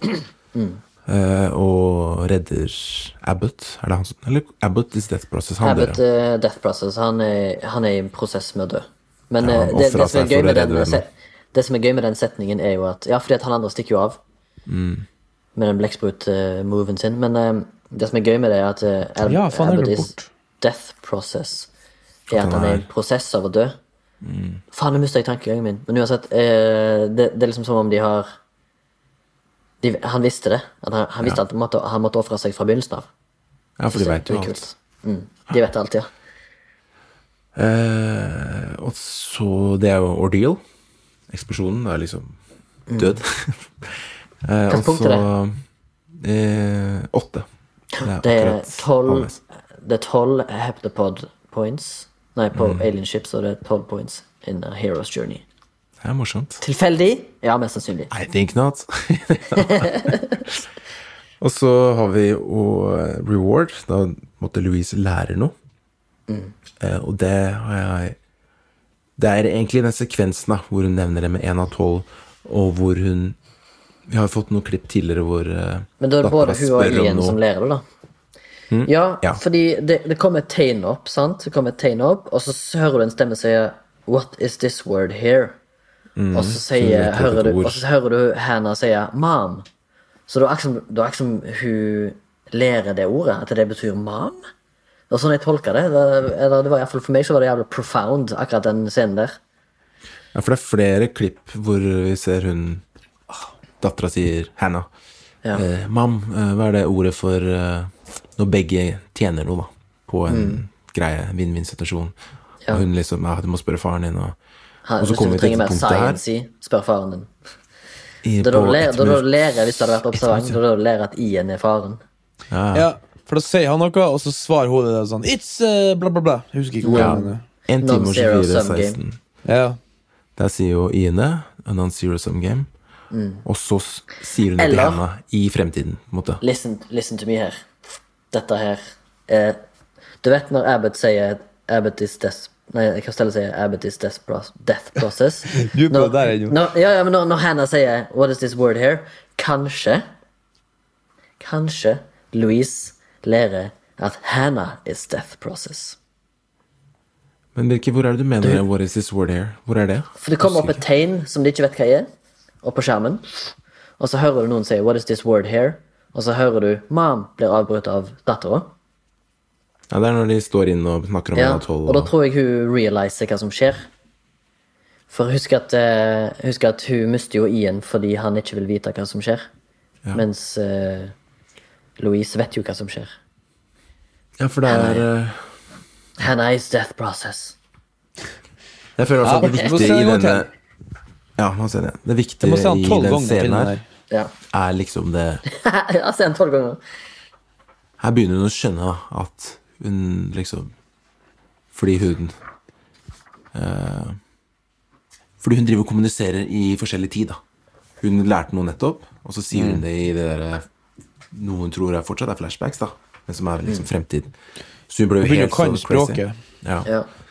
Og så like etterpå så er det liksom The Road Back, hvor hun drar opp igjen, for nå har jo disse aliensene flytta romskipet sitt litt høyere opp. Eh, sånn at du ikke, de får ikke tilgang dit lenger. Eh, men hun får en sånt framtids eh, flash forwards-klipp av den der greia å komme ned, En cigar-shaped tiggen og at hun står som inni dette hvite eh, sammen med, Ab- med Costello, da. Og de to klippene kommer jo rett etterpå. Så det er på en måte litt Der lærer du, prøver eh, filmskaperen liksom å lære oss at dette er faktisk fremtiden, da. For du ser det liksom rett etterpå. Ja. Og så Ferskt i minne for seeren. Og så går vi inn i møtet med Costello, som er ganske interessant. Så vi ser hvor stor han faktisk er. Og så har hun denne spørsmålet 'Hvem er hun jenta?' Og så får hun den tilbakeblikket. Eh, ganske langt, da. Nei, for, flash forward, mener jeg. Hvor eh, hun sier at hun vet at noe skal skje. Men hun kan ikke si til Hun sier ikke til henne der, da. Eh, og da skjønner hun at liksom Dette er dette er eh, fremtiden. Eh, så hun lærer enda mer her, og så nærmer vi oss slutten. Og da skal de uh, Kineserne har vel bestemt seg for å gå til krig eller noe, så de skal trekke seg ut fra denne basen i, som de er på. Eh, og jeg mener en slags restriction er når hun sier jeg har skrevet to steder da, hvor hun sier liksom 'I can read it', men også der når hun faktisk Hun drar Hun måtte tidsreiser da, frem til det, denne festen med Eh, Jeg vil jo se, Hva du sa nå? Return with the Elixir? Nei, Resurrection. Resurrection, ja. Er Ja, liksom for Return with the Elixir vil jeg jo anta er den eh, 3000 år lange prosessen etter at hun lærer at uh, grunnen til at vi, menneskeheten må lære dette språket for at dere skal hjelpe oss om, i 3000 år. Ja, det er jo inne når, når hun er oppe i, i ikke det som er Resurrection? Hun er inni, inni hølet der? Jeg følte at det fortsatt øh, Jo, ja, faktisk, jeg har tre stykker. For den er veldig sånn For det er litt usikker, da. Fysisk resurrection-ord, det. Ja, for det enten så er det når hun snakker med henne, Ja. ja. eller øh, når hun uh, snakker med Ian og Whittaker er og sier at jeg kan ja. lese det. Ja, jeg, nå kan jeg det, liksom. Eller når hun snakker med Det er jo Resurrection, selvfølgelig. Hva da? Eller er det tilbake med Elixir når du kan lese det?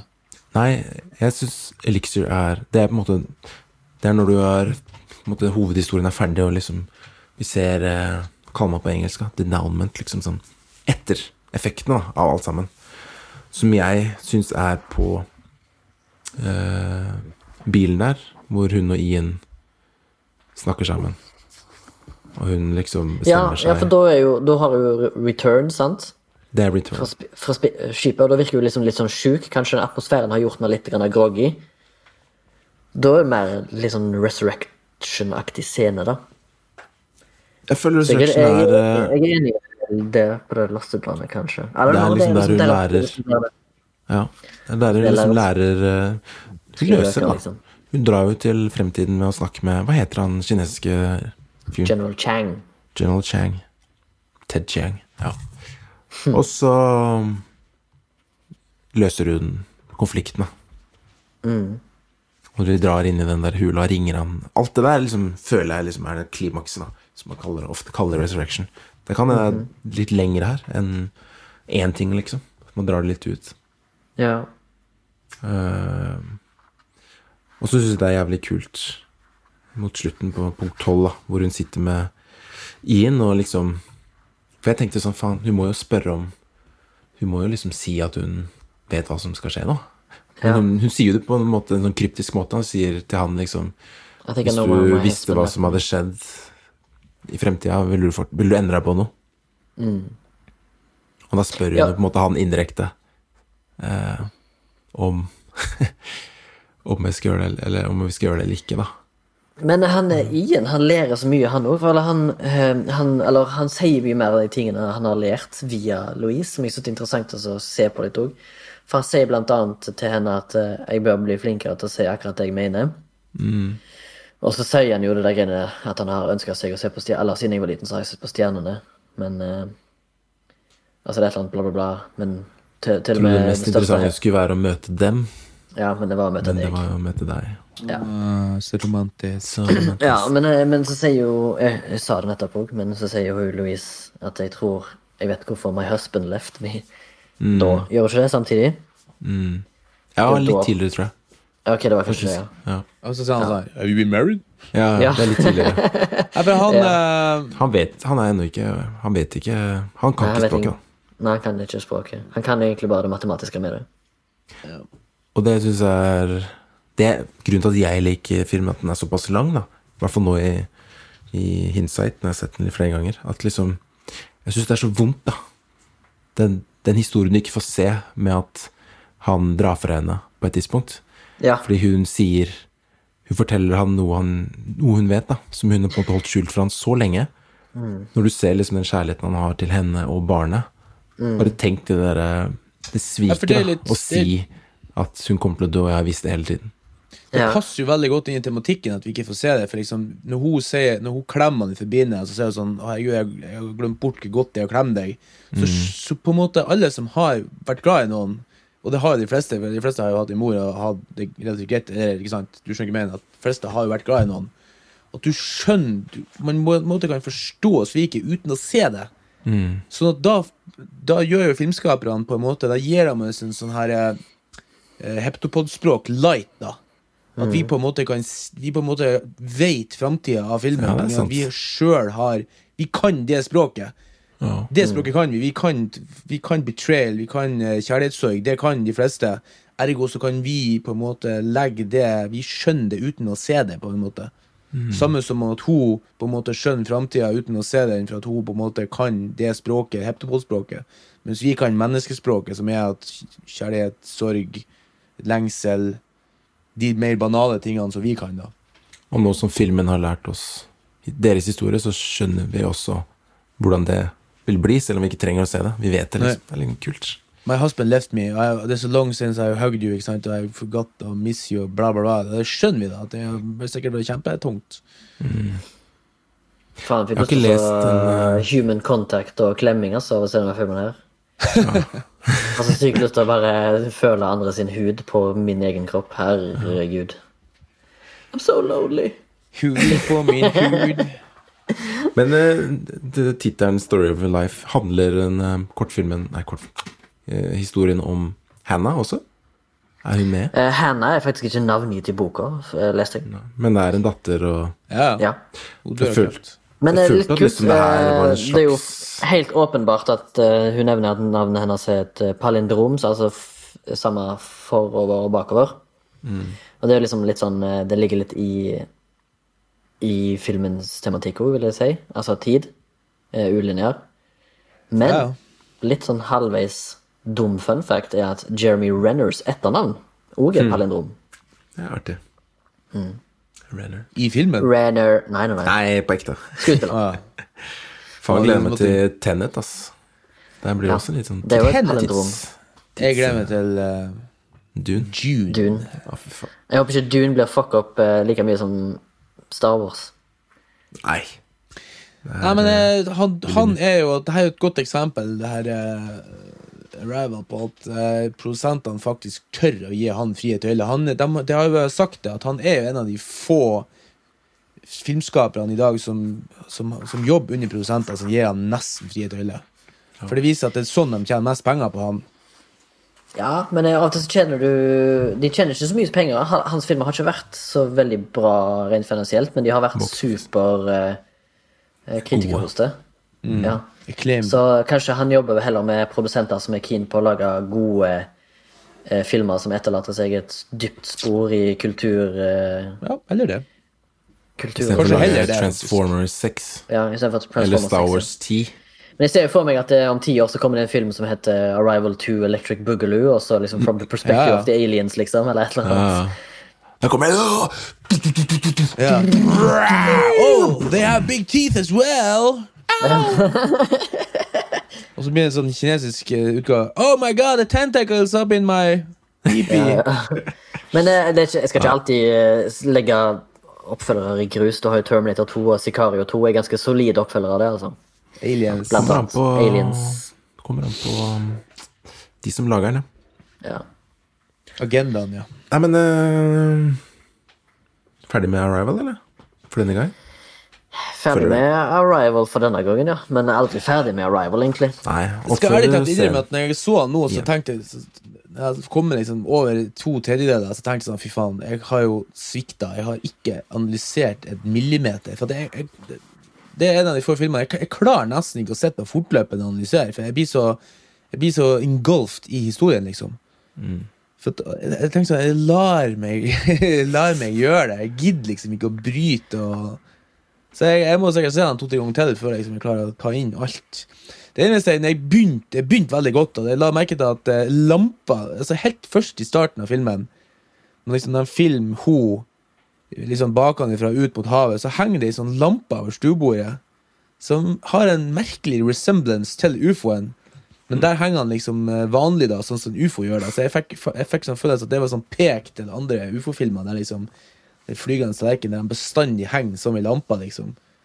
Og det var mange av de hobbyfilmene, de som filmer ufoer sånn i hagen, er jo lamper de bare har eh, viska ut ledninga på. Ja, I tillegg så er det jo vitenskjent for eksempel at eh, et, eh, saucers, altså flying saucers, det er jo faktisk den alienen spaceshipet er når den tipper på sida, når de drar, så er jo den en tallerken.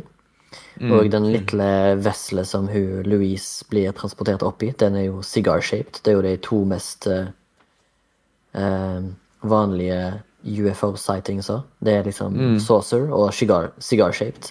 Så jeg følte det var litt sånn homasj til folk som tror de er blitt adopted by aliens. Og sånn. Og tolv er jo også et tall som går igjen i, i sånne der eh, mystiske greier. Blant annet så er det jo den tolvte planeten som er liksom sånn teoretisk ifisert, da, som heter Nibiru, som liksom Anunnaki bor på. Da, som det er dem som liksom skapte menneskerasen som en slags eh, kjæledegg eller noe sånt. der. Så det kan liksom være også en slags tease til at det her er det at det her aliensene er egentlig Anunnaki, da, som kommer hit for å Altså For hvert 3600 år så, plan, så plasserer det et objekt som på en måte påvirker tyngdekrafta til de, de, Jeg tror de kan måle det på sola. At det er noe utafor våre planeter som liksom drar og sliter, som vi ikke klart har sett hvert 3600 år. Skal det visstnok være en planet. Den myteomspunne Nibiru som går forbi. Kult. Og så en annen ting som er Sorry. eh, ja, litt fett. Litt eller bare sånn av, Avslutningsvis er bare en liten trivia, da, men eh, du vet, når hun skal prøve å forklare det spørsmålet de skal stille til aliensa til han Whittaker, til Webber, obersten, så sier eh, Ian ikke, ikke wipe ut alt, liksom. Men den formelen som er over det hun skriver, er noe som kalles for the entropy formula, som er den standardformelen for, eh, formelen for the arrow of time. Så det er litt kult. Artig. Ja, den, eh, den whiteboarden tror jeg også han manusforfatteren måtte bruke Eric som ja. en eh, overtalelse til å Ja. overtale produsenten og sånt, da. Om at det Ja. måtte såpass mye forklaring til, da. Ja, jeg husker at han sa noe om på den lille filmen. Jeg visste ikke Ja, ja. Yes, er det noe som har under radaren? Det Det har der, eh. Remi fra Haugesund. Å, shit, jeg er fra Haugesund. 33 år gammel. Shit. Den var glemt. Eh, min uh, under radaren denne gang Jeg går til en miniserie fra 2008 som heter Generation Kill. Som kommer fra skaperen av The Wire. eh, David Simon. Og Richard Burns, tror jeg. Eh, som er en eh, serie for HBO som handler om en eh, Rolling Stones-reporter som blir liksom embedded med en Recon Marine-tropp. Og så skal han dokumentere da invasjonen av Irak i år 2003. Eh, som jeg syns er en superbra og jævlig underholdende og skambra skrevet TV mini-TV-serie i åtte eller ti episoder. Åtte-ti episoder. Eh, som flyr Fly by! Nei, sju episoder er det. Ja, ja. Um, og det har blant annet Alexander Skarsgård og James Ransone i hovedrollene. Uh, som spiller da sergeant Brad Iceman Colbert, og James Johnson er Josh Ray Person. Og mange, det kommer mange, det er et stort rollegalleri med superinteressante karakterer. Absolutt eh, anbefalt hvis du liker The Boring Parts of War. For det er egentlig basically det. Det er litt sånn som uh, Jarhead. Jarhead. Ja. Det er Litt. Det er litt, det er veldig lite action. Det er mye mer sånn karakterbygging og hvordan en krig eh, har en påvirkning på unge unge soldater i 18-årene som blir sendt ut for å drepe en fiende. Veldig eh, Veldig lite sånn eh, Altså, hva heter det? Sånn underliggende subtekst. Det er liksom anti-war. Det er jo det som ofte er de beste krigsfilmene. Det er jo krigsfilmene som er anti-war. Mm. Men dette er da en krigsserie om invasjonen i Irak som du kan se på HBO. Fra 2008. Litt sånn, eh, jeg føler den har gått litt under radaren til de aller fleste. Ja, Men hvis du er fan av, eh, du er fan av realistisk, eh, realistiske tolkninger av virkeligheten, som eh, da David Simon fra Chet from The Wire er kjent til, så er dette her en absolutt en serie anbefaler, og det er bare 20 episoder. Go watch it. Go watch it. Kult. Det var Baba fra. Oslo. Morten fra Mo. Baba, ja, jeg er fra Oslo. Morten fra Mo i Rana, tror jeg. Rana. Em, denne podkasten er produsert av Soundtime, og lydetterarbeid er gjort av Sondre F. Myrhold, vår eh, magiker bak spakene. Yes. Em, hvis du vil sende oss en mail, som Magnus eksempel, så kan du gjøre det på flashback Da kan du spørre om du har lyst til at vi skal ta opp noe ting, eller diskutere noe eh, vi har diskutert, eller bare gi oss tilbakemelding, godt eller dårlig, samme. Ta kontakt. Eh, Vi er også å finne på Facebook og Instagram, og du kan sende oss et økonomisk bidrag hvis du vil det, for å holde serveren i gang. Eh, Det er ikke gratis, men eh, vi gjør dette gratis uansett. Og ja, gi oss en review på iTunes. Det hjelper. Gjør som mange del, har gjort liksom. allerede. Del. Del hvis du liker det. Hør Send på til venner, noe- familie. Alle. Ja. Det er kult. Og pant alt alltid. Yes. Ikke kast søppel i skogen. Ta det med deg. Og hvis du møter aliens, oppnå kontakt uten våpen og krig. Kommuniser alltid. Skyt them motherfuckers! Nei, men eh, takk. Takk for deg Det var Takk for kult. Takk for at du hørte på. Se Arrival. Se den flere ganger. Ha det. Se Generation Kill.